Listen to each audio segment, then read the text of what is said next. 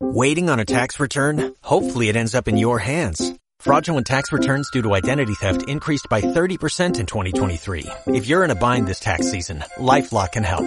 Our U.S.-based restoration specialists are experts dedicated to helping solve your identity theft issues. And all LifeLock plans are backed by the Million Dollar Protection Package. So we'll reimburse you up to the limits of your plan if you lose money due to identity theft. Help protect your information this tax season with LifeLock. Save up to 25% your first year at LifeLock.com slash aware.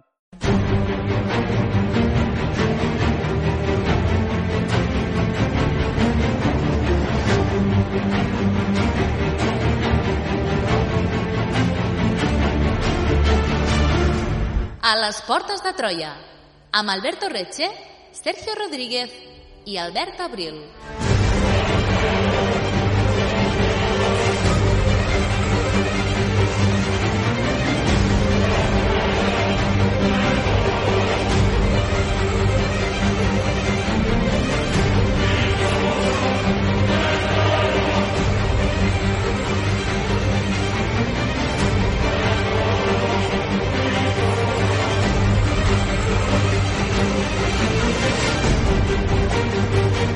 El 29 de desembre de 1386 va succeir un fet que va convulsionar París i tota França.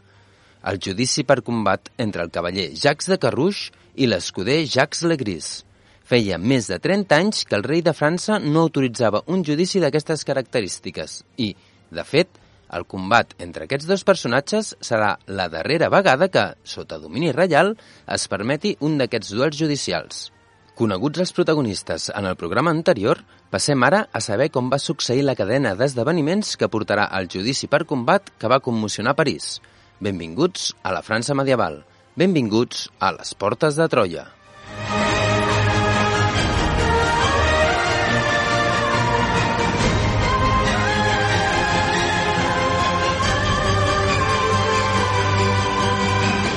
Benvinguts, benvingudes una setmana més a les Portes de Troia, al programa de ràdio d'història de la xarxa de comunicació local des dels estudis de Ràdio Castellar.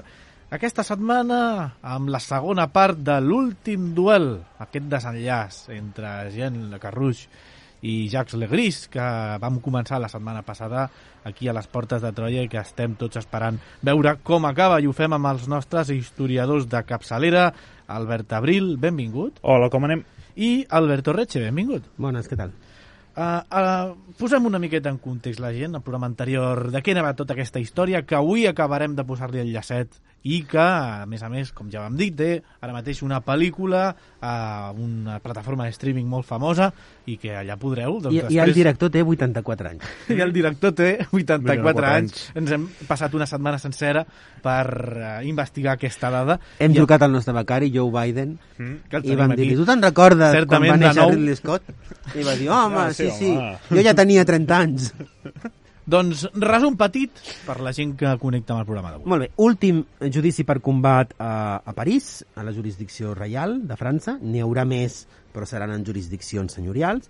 Tenim tres personatges a retenir, dos amics que comencen sent amics però que deixen de, de ser-ho, no? eh, Jean Le Carrouche i, i Jacques Legris, porten vides molt divergents, mentre un ascendeix a la cort, l'altre no deixa de cagar-la.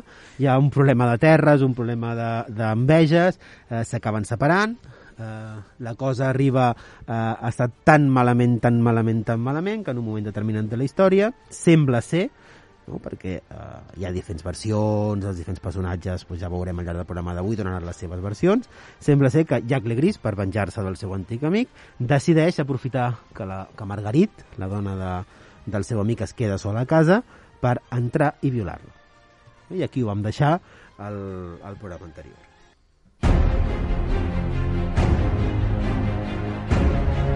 Segueix-nos a facebook.com barra Portes de Troia o a Twitter arroba Portes de Troia.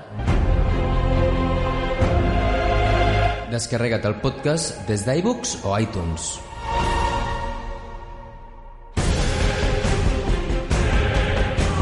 I descobreix tots els continguts del programa a la nostra pàgina web www.portesdetroia.cat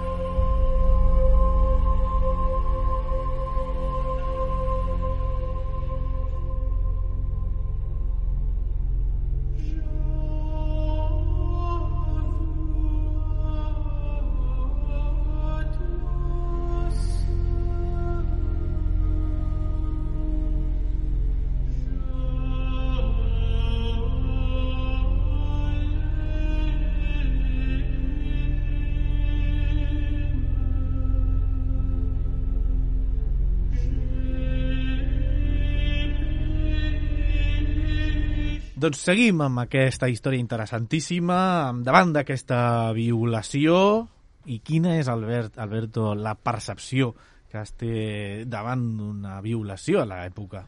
Doncs, evidentment, és il·legal, és un crim. No? Durant l'edat mitjana, la violació és considerada un crim. De fet, seguint el dret romà, que també s'aplica en bona part de l'edat mitjana, el càstig per cometre una violació és la mort. A nivell popular, però, tendim a pensar una cosa molt diferent, no? Sembla que, sembla que l'edat mitjana és una època sense llei. Sí, clar, i hem parlat moltes vegades d'aquests tòpics sobre l'edat mitjana, no? O sigui, si en algun moment es violava dojo com si no hagués un demà, eh, és a l'edat mitjana, no? Comencem totes aquelles coses, el cinturó de castedat, que si no sé què, el dret de cuixa, bla, bla, bla, no? Aquesta idea de la, la violació no deixa de ser un crim que mostra la superioritat no? física, bàrbara, o de, de l'home respecte a la dona, no? I per tant, en una època en què pensem bàrbara, inculta, fosca i depravada, no? la violació és gairebé no? la conducta estrella.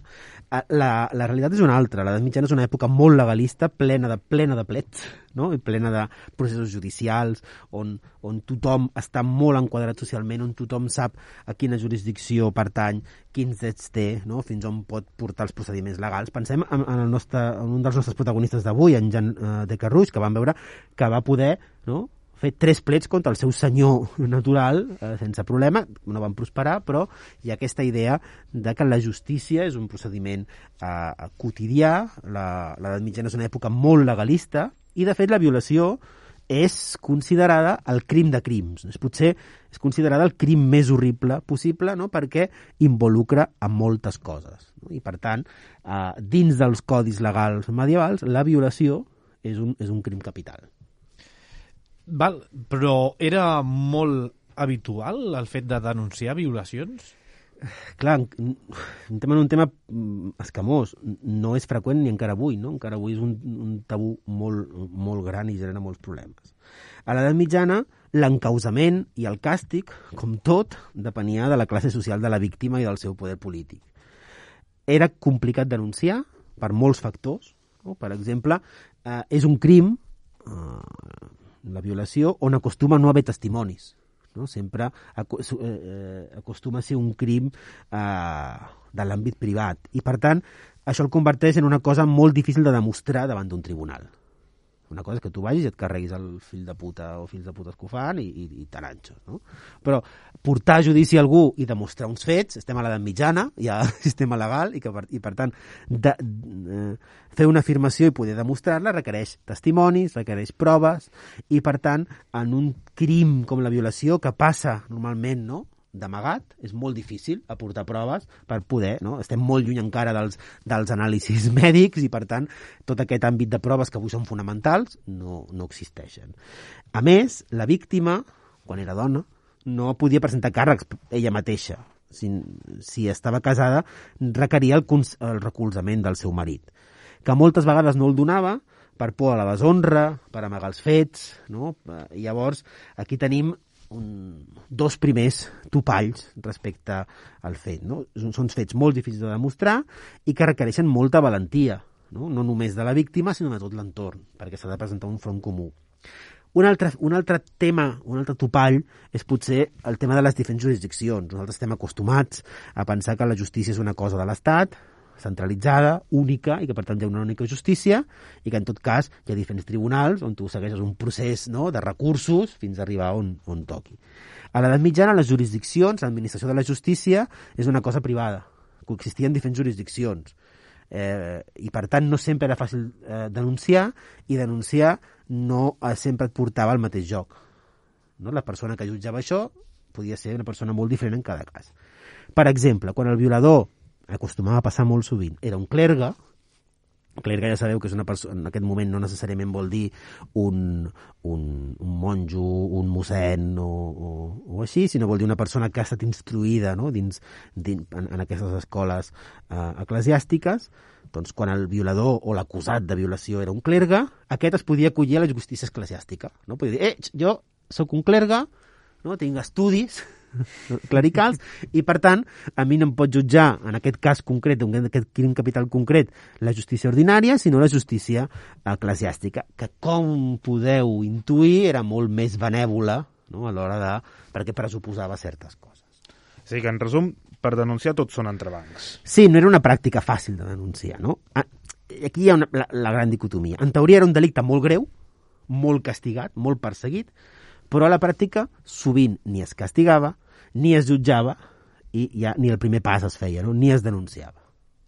I Margarit, tornant al tema que ens ocupa, ella va denunciar? Sí, eh, eh, ella, va denunciar, i a més va denunciar amb pèls i senyals. No, no ens donarà temps perquè és un programa molt llarg i també tampoc cal entrar-hi, però eh, ella donarà molts detalls de com va el tema, no? de, de, de, de com eh, eh, Jack Legris entra a casa, com ell intenta forçar-la, com fins i tot en un primer moment eh, intenta subornar-la amb diners. Li diu, jo sé que la teva família... Jo vinc, jo vinc aquí eh, al que vinc, eh, no? a fer-li un greuge al teu marit, sé que ho passeu malament, tu tens aquesta bossa de diners, calles i punto. No? Ella no, no, no accepta, ell la viola amb l'ajuda del seu company, i fins i tot l'amenaça dient-li i que sàpigues que no et creurà ningú perquè jo ja porto dies preparant la meva quartada ja he deixat no sé què eh, ja, ja veurem si, si dona temps a judici quina és aquesta quartada. I per tant, a més, eh, ni ho comentis perquè segurament coneixent el teu marit el primer que facis és matar-te tu. Llavors eh, ningú et creurà eh, ningú et farà cas i tens totalment la de perdre. No? Llavors, eh, és una situació molt complicada. Penseu també que l'honor, la reputació i la castedat eren tres elements molt valorats entre les dames de nobles del moment. I denunciar una violació trenca, no? exposa, t'exposa a perdre les tres. L'honor, la reputació i la castedat. A més, hem de recordar que Margarita era filla d'un traïdor a la corona i per tant ja era una dona sospitosa de no ser de fiar. No? I per tant, calia afegir aquest fet a la motxilla de deshonor que portava a sobre. Quins, eh, imaginem, posem-nos un moment en la seva pell. Si, denunci, denunciava, assumint que fossin reals els fets, no? perquè Jack Legris sempre dirà que, que això no ha passat. Si denunciava, era una cosa molt difícil de provar. Eh, Jack Legris era el favorit del conte de l'Ansó, vam veure l'altre programa, tenia molts partidaris a la cort, era fins i tot escuder del rei, eh, Pierre de Lençon eh, jutjaria en primera instància. El primer tribunal al que Marguerite s'hauria d'enfrontar és precisament el tribunal de Pierre de Lançó, que seria qui impartiria justícia per decidir si aquests fets que eh, atanyen al seu favorit i a la dona del seu pitjor enemic han tingut joc o no. Fixeu-vos, si el judici eh, arribava a París també seria molt difícil perquè eh, Jacques Legris té amics a París, és escuder del rei, la justícia reial en principi és més eh, eh, imparcial, però hem de pensar que Pierre d'Alençon és el cosí del rei. No? Si el cas arriba més, no? si, si tot quadra perquè el cas arribi a més, en qualsevol moment Jacques Legris, com a clergue d'una ordre menor, pot invocar el seu privilegi eclesiàstic. No? Si les coses comencen a prosperar, ell diu, eh, m'he pensat millor i vull un tribunal eclesiàstic. I s'ha acabat, no? perquè això va per un altre, uh -huh. per un altre uh, indret. El que és sorprenent és que amb tot, Marguerite, des del primer moment, decideix tirar endavant l'assumpte no? i, de fet, exposa els fets al seu marit. Ell eh, l'havíem deixat anant a París a reclamar no, el sou que se li devia per aquella campanya a Anglaterra, torna tres o quatre dies després i quan torna diu, ai, carinyo, estàs una mica rara, i sí, sí, hem de parlar, no et preocupis. Sopa tranquil.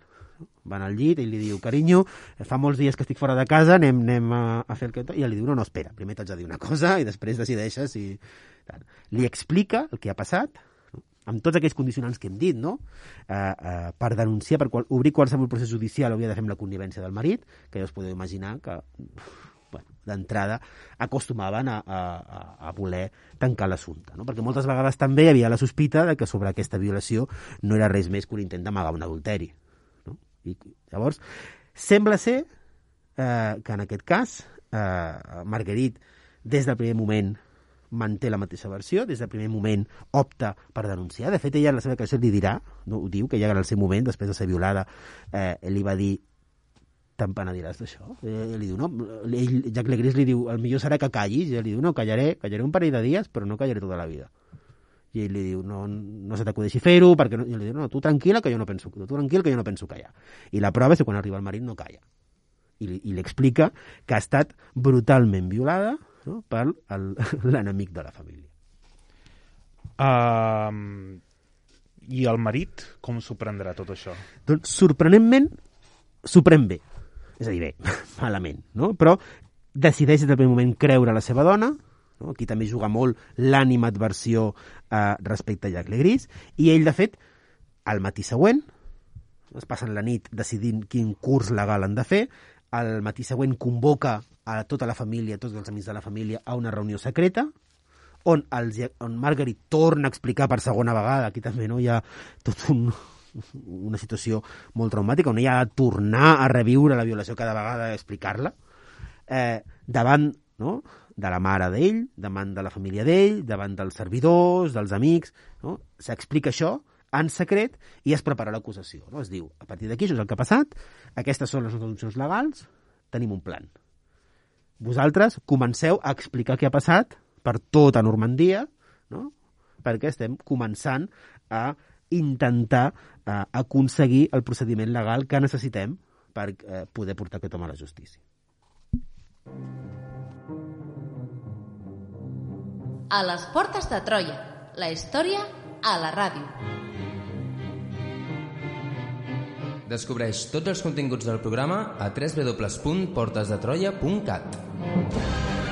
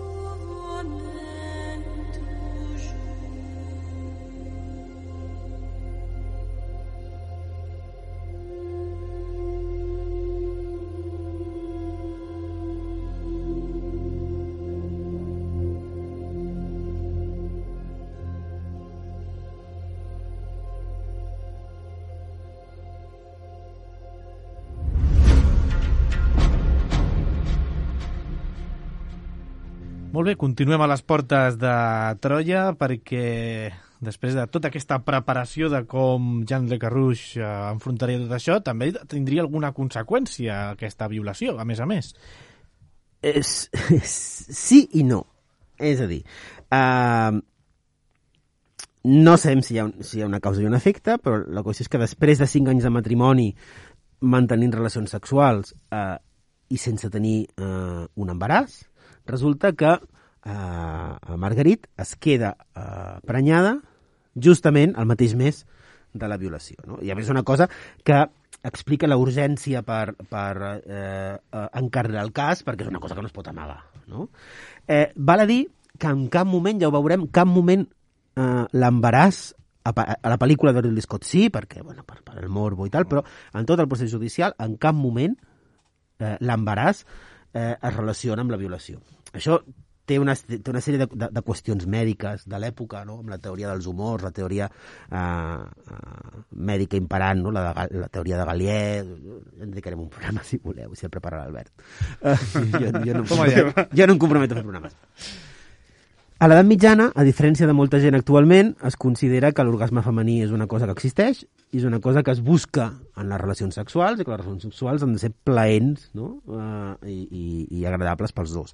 De fet, es considera que l'orgasme és la condició per la, per la concepció, no? perquè si no hi ha orgasme no es, con, no es compleixen les condicions d'humitat, calor al, al, al forn per tal que eh, allò qualli. I per tant, eh, era inconcebible que una violació provoqués un embaràs perquè la violació requereix el condicionant de que tu no, no gaudeixis, no? perquè eh, és contra la teva voluntat. Per tant, eh, mai, al, al judici, per exemple, eh, Jacques Legris mai utilitzarà el fet de que ella es quedi embarassada com a eh, recurs de, de dir, eh, bueno, tan mal no lo pasó. No? Uh -huh, eh, mai es creu aquesta línia no? que, que, que segurament si estiguessin davant d'una violació eh, eh, contemporània, eh, eh, els advocats defensors, el, els fills de la gran puta eh, no? que, eh, que, que més no? eh, coregen aquests, eh, aquests actes, utilitzen, no? i que encara avui estem acostumadíssims a veure certes declaracions totalment absurdes que a l'edat mitjana mai es donarien. No? Però sí que aquest fill genera, no, com a mínim, eh, cer- certes eh, sospites. En qualsevol cas, la notícia, la família decideix començar a fer córrer la notícia per Normandia del que ha passat. I aquesta notícia no triga a arribar a la cort d'Argentan, no? la cort de, de Pierre d'Alençon, eh, i aquest es veu obligat a no, a no poder ignorar l'assumpte. No? Llavors, eh, es veu obligat a informar-se i s'assabenta que eh, eh, gent de Carrouge està fent no, circular aquests rumors com a primer pas per presentar una denúncia, com a primer pas per fer un plet. I, per tant, eh, Pierre d'Alençon es veu obligat a escoltar l'acusació la, l'acusació i concedir audiència al matrimoni. I el matrimoni què dirà? Doncs resulta que no es presentaran. No? Ell, el Pierre d'Alençon marca un dia per, per aquesta audiència i resulta que ni Margarit ni, ni Jean de Carús es presenten a la vista. I com continua aleshores eh, el plet?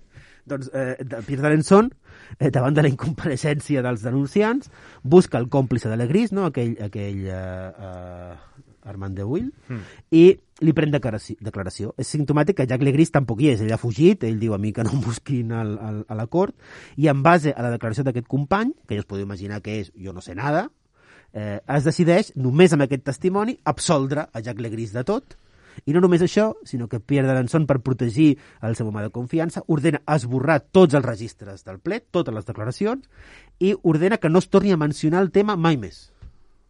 No, I no només no content amb això, fa una cosa molt típica encara avui, que és decidir-se a calumniar la víctima. Decideix calumniar Margarit dient que, bueno, que això són coses de dones i que segurament a, a, anava calenta, ho va somiar i després, eh, quan es va llevar, es va creure que el somni que havia somiat era veritat i a sobre està no, eh, putejant a un pobre i bon home com és Jack Legris.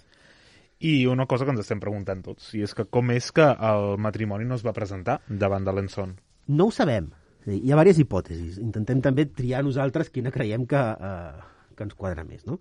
Hem de pensar que, que Jean de Carrus acabava de venir d'aquella expedició militar a Anglaterra, on havia contret febres i, i una sèrie de malalties, no? havia vingut molt tocat.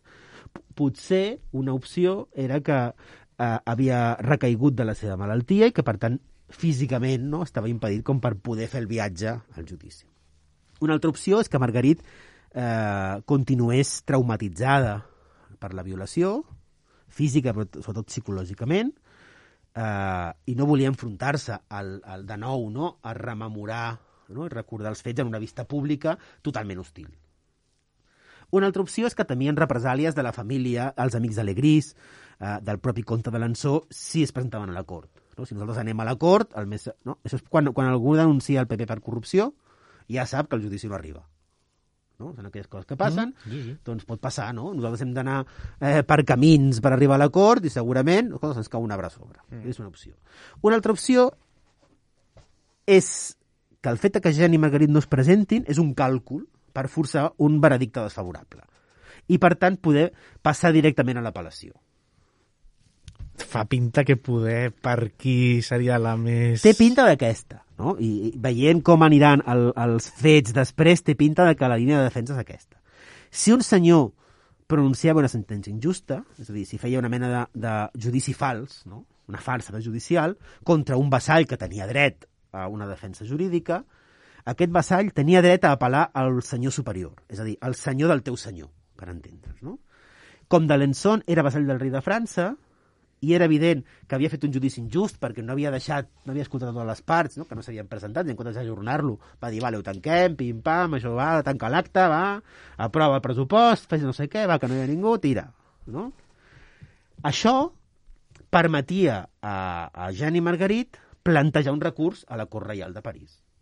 I és el que faran? Buscaran un nou judici a la capital? No, Jo ja no entenc res. Jo ja- O sigui, no ho faran. portem hora, hora i vint amb aquest tema. Jo no entenc res del que fan aquests senyors. Jo. Bueno, Jo tampoc. quadrarà, quadrarà, quadrarà. Penseu que un judici a París no té per què ser diferent que el judici a, a Argentan. ¿vale? L'Egris té millors contactes a París que el matrimoni. És escuder reial, ha estat a la cort, ha, participat en baixades, a reunions... Vale.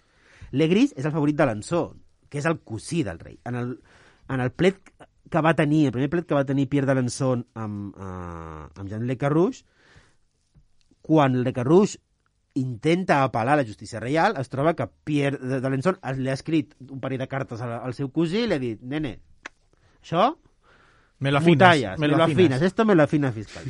¿Vale? Penseu que el propi Alençon havia escrit cartes al rei parlant de la sentència no? i dient que no acceptés cap recurs que vingués. Primo, ha vingut no sé què, no? Sectis no sé quan. Vale? Penseu, a més, que Margarit era filla d'un traïdor a la corona. Llavors, una filla d'un traïdor a la corona anant a demanar a la corona que obri una apel·lació contra el cosí del rei i, a, i, i un escuder de la cort, us podeu imaginar que, bueno, a veure, És com quan ets català i vas al Tribunal Constitucional. Té, tots- tens totes les de guanyar. Igual. Europa ens mira, no? Exacte. I a més, Jean de Carrouix, si ja tenia mala fama per ser marit de Margarit, tenia mala fama per ell mateix. Era el tio que havia denunciat tres cops el seu senyor, que li havia anat malament, no? que li faltava bueno, anar a cops de puny per la vida. Tot això fa que triïn, i segurament triïn des del principi, una, situació, una solució inusual i perillosa que només es pot activar en casos molt concrets i a que ens estem encaminant. El judici per combat. Al judici per Bé. Ja hi Ah, som, ja hi som, ja hi som. Gràcies. Ara, que es peguin, home. Que deixin de... Que entre Tyrion Lannister. Ara, ara. Molt bé. En què consisteix això del judici per combat, Alberto? Molt bé, doncs segons el dret francès, un noble que apela la sentència davant del rei, vale, check, no? té dret a desafiar el seu oponent a un duel judicial. No? Aquest era un procediment legal per tal de determinar... eh, No és una baralla, és un procediment legal. No? Per tal de determinar si una de les parts havia comès perjuri. En un duel judicial no es jutja si algú ha comès el crim o no, no? és si ha mentit. No? El que es jutja és qui guanya el judici per combat té raó. Per tant, vol dir que qui ha perdut és perquè ha mentit. No? Amb la qual ja, no? si jo t'acuso, si jo faig un combat amb tu perquè has violat la meva dona i perds el combat, és evident que has mentit quan has dit que no l'has violat. I, I per què un combat i no una partida d'escacs? Clar, bona pregunta. No? Bàsicament perquè es creia que el, el resultat d'un combat, no, que més es feia amb un procediment molt, molt concret, no? en, un, en un camp clos, no? en un camp tancat, ballat, amb unes ordres eh, molt concretes, amb unes armes molt concretes, amb un procediment molt concret, eh, en un terreny sagrat, es creia que el resultat d'aquest combat venia determinat principalment per la voluntat de Déu. Era una mena de combat sagrat i, per tant, un judici diví. No? Era, de fet, una pràctica antiga, de tradició a Normandia. De fet, els avantpassats de Gen i de Margarit ja n'havien participat en segle, al segle XII, al segle XIII, eh, en alguns d'aquests combats. No? Eh, penseu també que és el mateix principi de la batalla campal.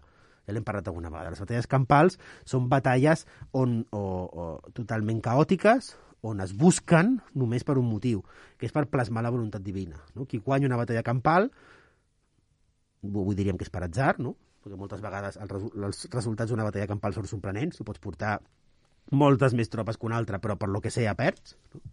La batalla campal és una mena de duel judicial a gran escala. Ha aquesta idea de que el combat sagrat, amb unes normes molt concretes, permeten la intervenció no? de la mà de Déu en aquest combat. I que, per tant, són un últim recurs quan el procés judicial... Evidentment no, eh? venga, va, pues te, te reto. No. uh, però eren una última instància d'apel·lació, no? quan el teu Tribunal Suprem ja t'ha dit que no, només queda un Tribunal Suprem del Tribunal Suprem, el senyor del, el senyor del rei, qui és? Déu.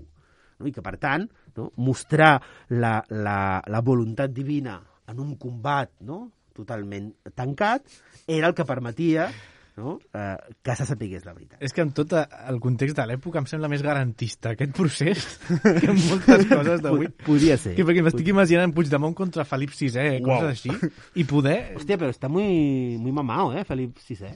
Però és I, Borbó, i, de, és, gimna, és i, de, Borbó, és I de gimnàs també. En qualsevol moment. Molt bé. Aquests, aquests duels eren freqüents a No l'època? sé, el, el propòsit d'any nou també s'ha anat... Bueno, eh, aquests duels judicials eren freqüents a l'alta edat mitjana. A més, a l'alta edat mitjana eren molt freqüents a, Normandia, a Flandes, al nord de França. Eren freqüents a tots els grups socials i fins i tot tenim notícies de, de duels judicials en el que van combatre dones.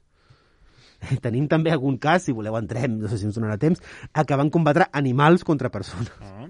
No?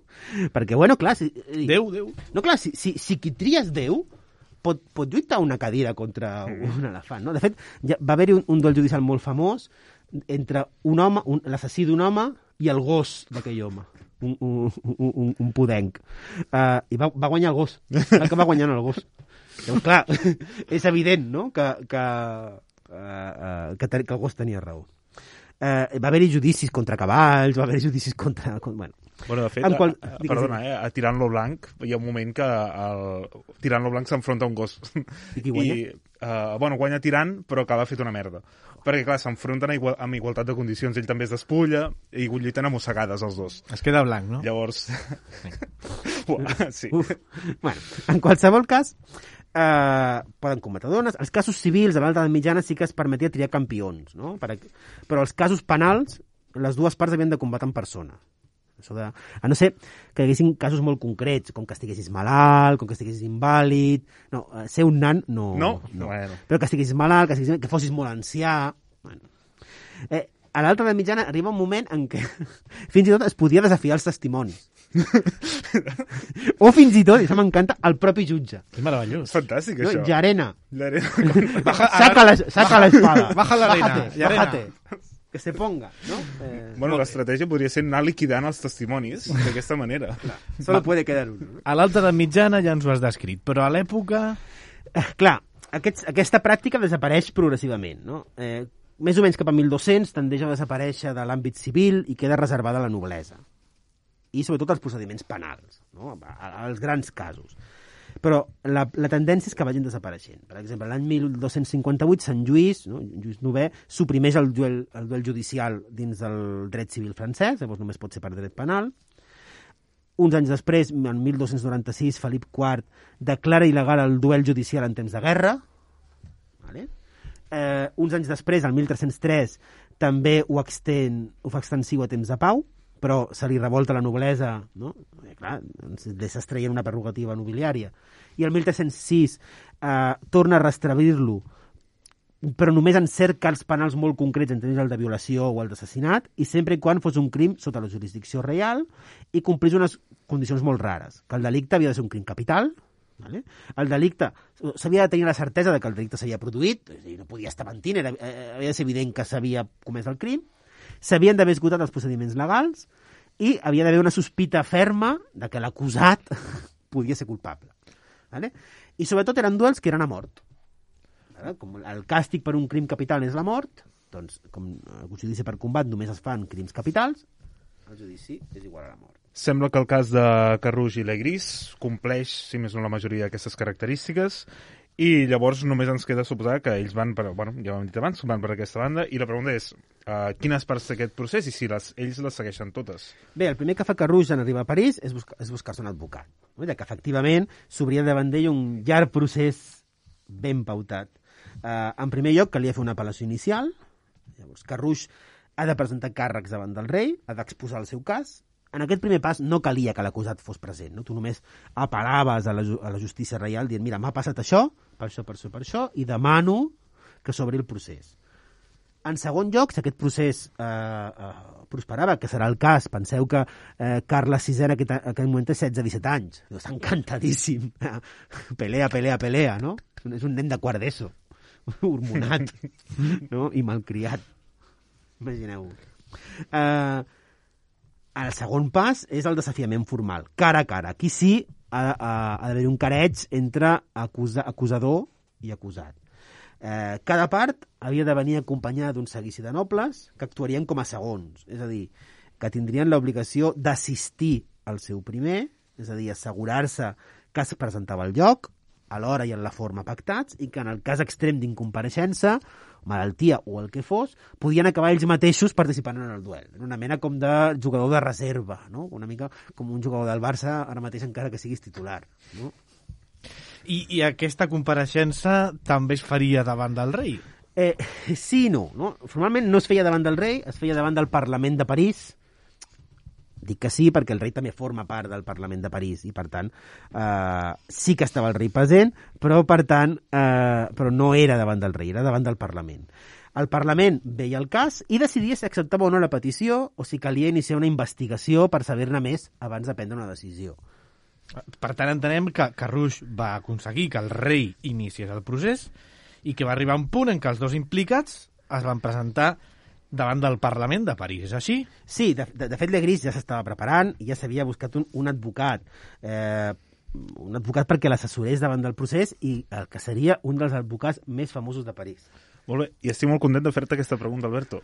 Quin advocat! Doncs, eh, sorprenentment, no és el que tinc aquí penjat, sinó Oh. és, és Jean Lecoq, que és, cl- és clarament un nom inventat, també. No, és, és real, és real. Jean, Jean Lecoq, eh, un dels advocats més famosos de París i del que conservem fins i tot algun dels seus diaris personals, on Jean Lecoq arriba a opinar sobre el cas, dient, pues jo crec que aquest tio diu la veritat, aquest... ja, ja, ja ho veurem si dona temps. Amb tot, Legris, que contracta un dels advocats més famosos de París, no fa gaire cas als consells que li dona. Perquè Lecoq, des del primer moment, li diu això no acaba de pintar... Pinta bé, però assegurem-nos, tu ets clergue, eh, millor que t'acullis al privilegi de que el cas sigui tractat en un tribunal eclesiàstic. No? I així escapes a la jurisdicció del Parlament de París, s'anul·la el procés, no hi ha possibilitat alguna de que acabis en un judici per combat. Però eh, Jacques Legris decideix que no, que ell tira cap endavant. Eh, I per què no, no ho farà, tot això?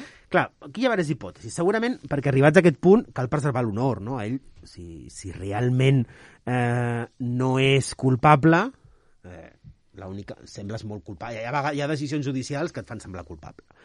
Però encara que sigui culpable, aquí el problema és que Jacques Legris ha lligat la seva fortuna a Pierre d'Alençon, que ha intentat tapar l'assumpte, no? i que des del primer moment ha dit que el seu servidor és innocent, que ell posa la McFall per ell, no? fins al punt d'amanyar un procés judicial no? i fer, eh, dir no, no tinc cap dubte que aquesta persona és innocent. Llavors, si tu sembles culpable, en el fons estàs no? deixant en evidència el teu senyor. Llavors, sembla ser que, que Jacques Legris decidís el que decidís, l'única opció no? per no deixar malament el seu senyor i per tant caure en desgràcia de, de, respecte a ell era anar a totes a preservar, a preservar el seu honor. Pensem també que eh, Jean Le Carrouge eh, venia d'una campanya militar malalt, eh, eh, envellit, eh, no? i ell, en canvi, no. Sigui com sigui, el 9 de juliol els dos es citen davant del Parlament de París i el Parlament de París ordena eh, una, situació, una decisió molt medieval, molt legalista, que abans de prendre qualsevol decisió s'ha d'obrir una investigació formal per tal de veure si hi ha base legal pel judici per combat. Eh, ningú vol prendre una decisió apresurada. No? Feia més de 30 anys que el Parlament no aprovava un, un judici per combat en cas de violació. Feia 33, 34 anys. Per tant, tothom vol ser molt legal i molt legalista. I, per tant, s'inicia una investigació. Molt bé, i com serà aquest procés d'investigació? De fet, podem saber inclús què, què es va dir? Sí, de fet, conservem les declaracions per escrit. No conservem la, la transcripció tal qual, no? en, en Normand, en francès Normand, eh, dels, dels, eh, dels testimonis, com si, per exemple, passa a- en altres judicis. El que conservem és una transcripció en llatí feta pel, per, pels notaris del, que prenien nota, però conservem declaracions per escrit i podem saber cadascuna de les versions no? que donen els personatges. Perfecte, doncs amb aquesta magnífica font a les nostres mans, repassem-les i punt per punt. Sí, repassem-les molt ràpidament, perquè si no hauríem d'anar, hauríem de deixar, hauríem de fer programa per judici i programa pel combat, però sigui com sigui. I Jean de Carrouge. Jean de Carrouge. Ell diu que durant anys va considerar Legris com un dels seus millors i més fidels amics, fins al punt del que el va anomenar, no? el va, el va eh, anomenar com a padrí del seu primogènit. Eh, ell d'aquí amaga totes les disputes per terres i tal, i el segon que diu és anys després ens vam retrobar a, la, a casa de Jean Crespin, no? en aquella cosa que jo li vaig presentar a la meva dona amb el petó i tal, no? però evita fer qualsevol referència a totes les disputes dels cinc anys sobre terres, favors, eh, cort i tal. Llavors eh, eh, diu que Legris, després de conèixer Marguerite, després de conèixer la, a, la, a la seva dona, comença a conspirar per seduir-la, no? perquè l'ha vist molt guapa i tal, i comença a seduir-la. I eh, després dient i la meva dona, tal com va explicar la meva dona, i relata tot el, eh, tot el que va passar la violació, no? Reagafant la declaració de la seva dona, no? dient exactament el mateix que ella diu. Com veieu aquí, amaga qualsevol disputa no? per, per aquella terra de non le Falcó, per aquelles disputes eh, per, per la capitania de, de Belém, tot això. No? I bàsicament acaba dient que eh, per virtut de tot això es van cometre quatre crims. Eh, Jacques Legris va, va cometre, a més del crim de violació, un crim d'adulteri, no? perquè va, va eh, violar una dona casada, un crim de traïció, perquè va eh, eh, trair la confiança de l'amistat que, que els unia, un crim eh, d'incest, no? incest en el sentit de... Eh, aquest home era com de la meva família, va ser el padrí del meu fill, d'un anterior matrimoni, no? però va ser un padrí del meu fill, i aquest tio era com un germà per mi. Llavors, si és com un germà per mi i he violat la meva dona, a sobre és un incest, no? I a més perjuri perquè ho nega. No? Aquesta seria la declaració eh, de Jean de Carrús, que diu que per tot això ell té dret a un judici per combat perquè compleix tots els requisits eh, que poden portar a un judici per combat. Molt bé, mm, bastant ben preparat, això, eh? Uh, Jacques Legris? Jack què- Legris eh, comença fent allò que no has de fer mai en un judici, Sí. que és allò de usted no sabe quién soy yo. No. I comença recordant que pertany a una família noble, no? jo sóc un noble, jo sóc un lleial servidor dels reis de França no? i del comte Pere de l'Anjou, com si això, saps, influís en alguna cosa. No? Ell diu, jo sóc membre d'una família noble, jo sóc lleial al rei de França, jo sóc lleial al comte Pere de l'Anson, i sempre els he servit bé, arribant a ser escuder reial. No em pregunteu que, quina relació té això amb el fet d'haver violat una dona, no? però ell comença així la seva declaració. Ell diu que ell coneix a, a Jean de Carrús perquè els dos havien servit amb el conde de Pers no? i que havien arribat a ser amics, però que eh, Carrús, a poc a poc, a mesura que ell prosperava a la cort, havia començat a agafar-li tirri. Progressivament s'havia mostrat hostil. No?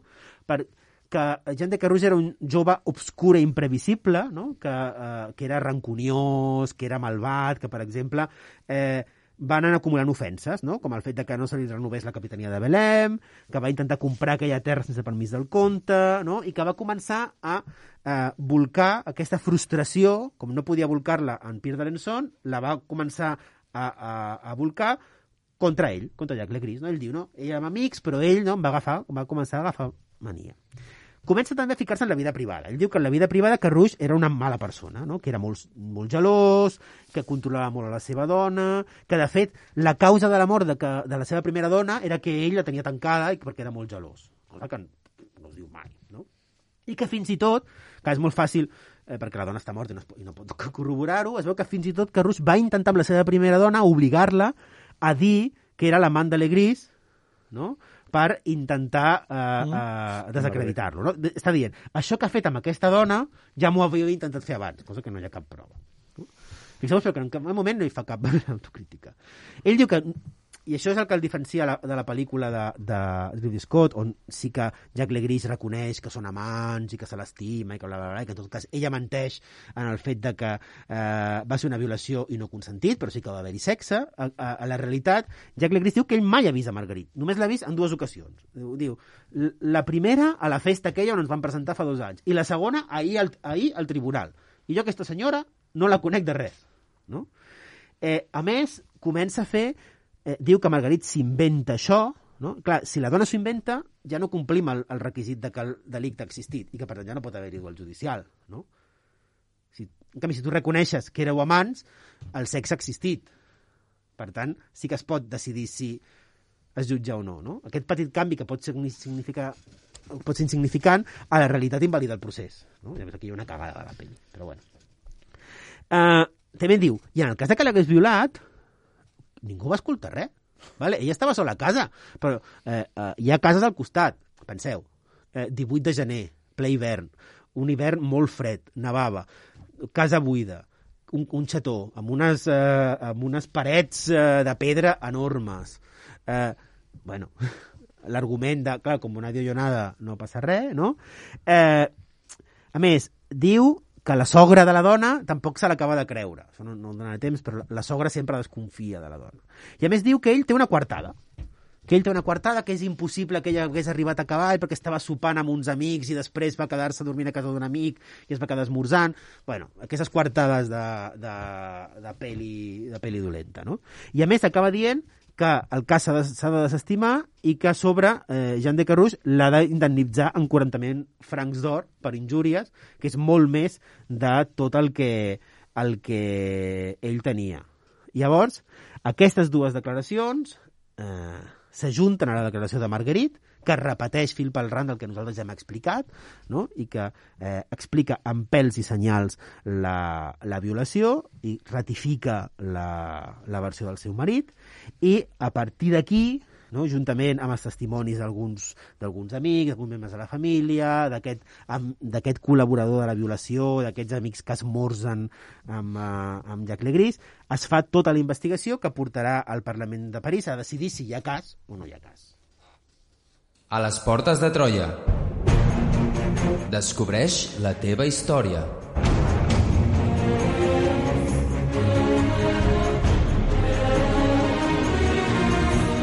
Troba'ns a facebook.com barra Portes de Troia i a Twitter arroba Portes de Troia.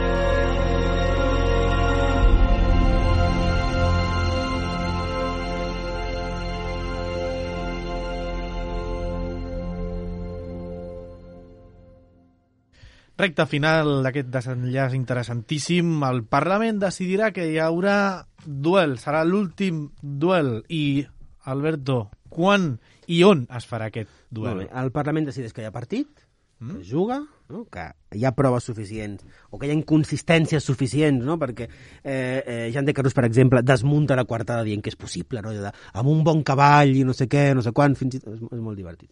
Però el Parlament de París decideix que hi, ha, hi haurà duel, el decreta perquè tingui lloc el 27 de novembre al camp de Sant Martín de, dels Camps, que és un monestir de París, que de fet comptava amb un camp de combat eh, lo suficientment gran com perquè poguessin assistir-hi milers d'espectadors i per tant es fixa no, dia i lloc.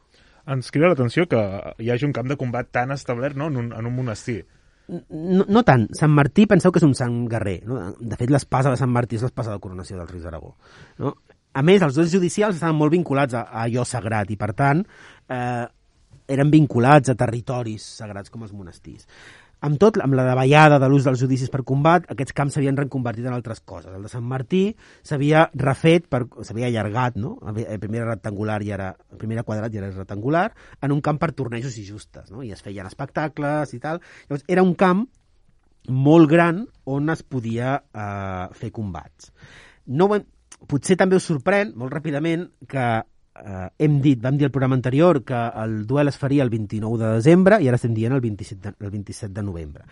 El canvi de data és tan senzill com el fet que el rei estava a Flandes fent una expedició, eh, intentant muntar una expedició militar, i ell, ell volia assistir al, al combat. No, eh, eh, clar, penseu que això es convertirà en, en, el, en, el, en el fet eh, més famós de, de l'època. Tothom volia anar-hi, no? I el rei obli escriu obligant a canviar la data perquè hi vol arribar, no? I llavors eh, retrasem-lo i fem-lo el 29 de novembre, el 29 de desembre. Jo esto no me lo pierdo por nada, no? De fet, al duel assistirà la flor innata de la noblesa francesa, juntament amb el rei vindran els seus tres oncles, no? els tres grans senyors de França, el duc de Borgonya, el duc de Berry i el duc de Borbó. Molt bé, quin serà el ritual que es du a terme eh, abans i durant un judici per combat? Molt bé, com és, un, com és una qüestió sagrada, hi ha tot un procediment. Per exemple, la nit anterior, els dos combatents han d'escoltar missa, no? han de, han de purificar-se... A la vegada? De... No, no, cadascú, cada, això cadascú a casa seva, això cadascú al seu vestuari. Eh, han de passar, han de dejunar, no? És com si a anar-te a una prova mèdica, i has de passar la nit amb vetlla, no? Has de- has de- has d'estar, has de mantenir la vigília. Has de passar la nit pensant no? sobre la teva santedat, sobre la teva raó. Quan arriba el matí, arriba el moment d'acabar de purificar-se. Et rentes, no? Et banyes, et rentes, perquè la, la gent a l'edat mitjana es rentava. Reses, esmorzes, agafes les teves coses i cap al camp de combat. Molt bé, ara ja estem preparats espiritualment pel camp de combat, però ens toca, suposo, que preparar les nostres eines, les armes. Sí, primer un cavall de guerra, això és fonamental, una llança, no? perquè és eh, l'arma de cavalleria fonamental, eh, dues espases en aquest duel, un mandoble, és una espasa a dues mans, i un estoc, una espasa a una mà, un atge, que aquestes atges són molt divertides perquè són aquelles eh, atges que semblen navalles suïsses, no? que tenen un, un fil per una banda, un martell per l'altra, no? una mena de pic, martell, mm. i a la punta, no? una punta per clavar, que de fet aquestes atxes es deien, es coneixien com la Santíssima Trinitat, perquè, eren, perquè eren tres en un. No? Eh, una daga, fonamental perquè eh, les cuirasses de l'època tenien molt pocs espais on poder, on poder clavar, llavors la daga era per donar el, el toc final, i un escut de mà que normalment s'utilitzava poquet perquè la que agafaves el mandoble o la barlatxa, però bueno, aquesta seria una mica la panòplia pròpia d'aquests dos combatents. Molt bé, i ara sí, eh, comença el partit. Com serà aquest Comença el duel? partit, no ens queda... No ens, jo, demano minut i resultat, no sé quan ens queda de programa, molt poc. Cinc minuts. No, no, cinc minuts, va, doncs dale. No, el, el combat comença una cada banda entrant al camp, preparant-se, més, era un, tu no podies sortir d'aquest camp tancat fins que la cosa es dirimís. Llavors, una de les coses que tu havies de portar era vi, menjar i ferratge pel cavall per, perquè tu començaves a, a les 12 o al migdia a combatre, però si la cosa es posava rumbera, tu podies estar allà, tu ja no sorties fins que només sortís un. Llavors, el combat es mantenia fins que apareixia el primer estel al cel. Que clar, que us podeu imaginar que a París el, a, el 29 de desembre era aviat. Però llavors el que passava és que tu feies nit a la teva banda del camp, llavors t'havies de portar vi, t'havies de portar menjar i havies de portar menjar pel cavall. Perquè d'ahir esto acaba en muerte, no? Com una bona festa de, de cap d'any de Berlusconi. Eh, el combat comença com comencen les justes, els dos carregant a cavall, trencant les llances, eh, se'ns diu que trenquen un parell de llances, eh, sense gaire resultat. En un moment determinat, Jean de Carrouge, no, que està mm, potser més dèbil, encara, encara malalt, eh, cau del cavall, no? eh, perquè eh, Jacques Legris mata el cavall, aconsegueix matar el cavall del seu adversari, ha un moment que ell combat a peu però aconsegueix clavar-li la llança al, al cavall del seu adversari, cauen els dos a peu, comencen a intercanviar cops d'espasa durant, durant una bona estona, fins que arriba un moment de les- de l'espasa passant a les atges, arriba un moment en què eh, sembla que Jack Legris fereix d'una ferida molt dolenta al, a la cama a, a, al Carruix, sembla que morirà de sagnat, no? tothom espera que aquí ha acabat el combat, però sorprenentment Lerouge, com a bon cabezota és, eh, veient que aquesta ferida el desagnarà, fa eh, una càrrega de, com si fos un brau, no? En comptes de, de rendir-se o intentar no, vigilar l'hemorràgia no sé què, tira cap endavant, carrega amb el cap davant de, cap a Legris, que no s'ho espera, el tomba a terra, no? I una vegada que el tomba a terra se li, se li posa a sobre i comença a fotre-li cops. comença a fotre-li cops. Eh, clar, està tan dèbil i l'armadura és tan bona que no aconsegueix eh, fer-li res. Llavors comença a fotre-li amb el pom de l'espasa a, a la civella del casc a veure per treure'l. No aconsegueix treure el casc. Al final aconsegueix treure el casc. Hi ha un moment en què a sobre d'ell, sabe? ah, muere, muere! No? A sobre eh, aconsegueix treure-li el casc li, no? i li planta la daga al, al, al cap i li diu, confessa, confessa, i l'altre diu, no confesso, sóc innocent, confessa, no confesses? Pac! I li clava la daga i el mata. I sorprenentment, no? perquè eh, eh, l'home malalt... No? És que és la gràcia dels judicis per combat. El resultat és sempre inesperat. Havia, havia resultats molt inesperats molt ràpidament. Va haver-hi a a Flandes uns anys abans un judici que va acabar... Clar, més perquè si és un judici per combat no hi ha regles. Una vegada que es tanca el camp pot passar de tot. És com la lluita lliure, no? Com aquestes coses. Eh, eh, un precedent era un judici que es va fer a Flandes que va acabar, van acabar sense, sense armes, a, os, a, a, a cops de puny un contra l'altre, i eh, un dels, dels eh, lluitadors va guanyar perquè amb, la, amb, la, amb el guant de malla no? van anar pegant-se fins a fent treure's parts d'armadura i tal i qual, i va acabar guanyant perquè amb el, amb el guant de malla li va agafar els testicles a l'altre, va tancar el guant i els va arrencar. No? Eh, En plan, rotllo, eh, un fatality del Mortal Kombat. Aquí no arribem a això, però en qualsevol cas s'arriba aquest fet, no? Jean de Carrouge és el vencedor, això vol dir que va existir la violació, que eh, Jacques Legris era culpable, el seu cadàver s'arrossegarà per París no? fins a penjar-lo a, amb un facó, ells se'n van a Notre Dame no? a agafar la, la cuirassa del difunt ensangrentada no? i deixar-la com a, com a exvot allà eh, agraint a Déu el seu, el seu, la seva participació. Això molt ràpidament farà que eh, Jean de Carrouge estigui legitimat davant la cort, no? se li donarà, se li, se, li donaran 6.000 lliures per despeses judicials de l'herència de Jacques Legris, no aconseguirà recuperar a un Le Faucon, perquè se la quedarà Pierre d'Alençon, però aconseguirà ser nomenat cavaller d'honor del rei de França i, per tant, membre de la guàrdia personal de cavaller del rei de França. Serà fins i tot ambaixador, juntament amb, amb Bossicó, aquell cavaller del que vam parlar fa uns programes, eh, per fer investigacions sobre l'imperi otomà, i eh, us preguntareu com acabarà aquest personatge, doncs acaba, serà un de tants que morirà a la batalla de Nicòpolis l'any 1396, en aquell intent de croada contra els otomans, que suposarà no, una de les derrotes més sagnants de la cavalleria francesa. Però eh, això serà 10 anys després, no, amb 60 anys ja, 10 anys després d'aquest duel judicial que va commocionar París. Molt bé, i en aquest mig minut final, Alberto, podem saber qui tenia raó? No ho podem saber, per, pel que dèiem abans, no? Tenim tres versions, una cosa que va passar no? on hi havia tres persones i on ningú més pot saber-ho, no? Jo m'inclino a pensar que sí, que va haver-hi una violació. En qualsevol cas, com diu, com deixa notat Jean Lecoq, l'advocat de Jacques Legris al seu diari, eh, en realitat ningú sap què va succeir de veritat en aquell assumpte, no? Cal a dir que Jean Lecoq eh, sospitava del seu propi client, no? perquè deia que eh, ell havia estat a molts judicis i, i que la víctima no canvi de versió i que doni tants detalls. És molt significatiu, que fins i tot en el moment en el que ja eh, Legris li va arribar la primera notícia de que se li anava a, de que s'havia sapigut de la violació, el primer que va fer és anar a confessar-se i que en, preparant el judici moltes vegades eh, el seu propi advocat tenia moltes sospites de, de la seva versió. No podem saber què va passar, o sí, perquè el resultat no, va ser jutjat en un- l'últim judici per combat, l'últim duel judicial a París eh, de la història, i per tant no podem decidir-ho nosaltres, sinó que ho va decidir la providència. Tanquem aquí aquesta història magnífica. Si us ha agradat, doncs ja sabeu, tenim una pel·li. I un Alberto, llibre, sobretot. Jo El llibre... preferiria el llibre que la pel·li. Val, la pel·li ara mateix... Tu l'has vista? Jo l'he vista. Sí o no?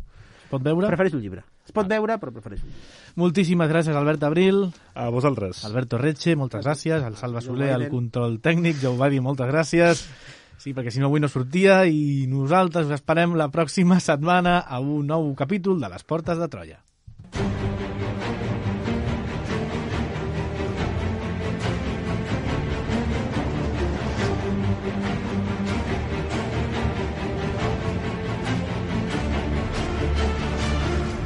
A les portes de Troia, amb Alberto Retxe, Sergio Rodríguez i Albert Abril.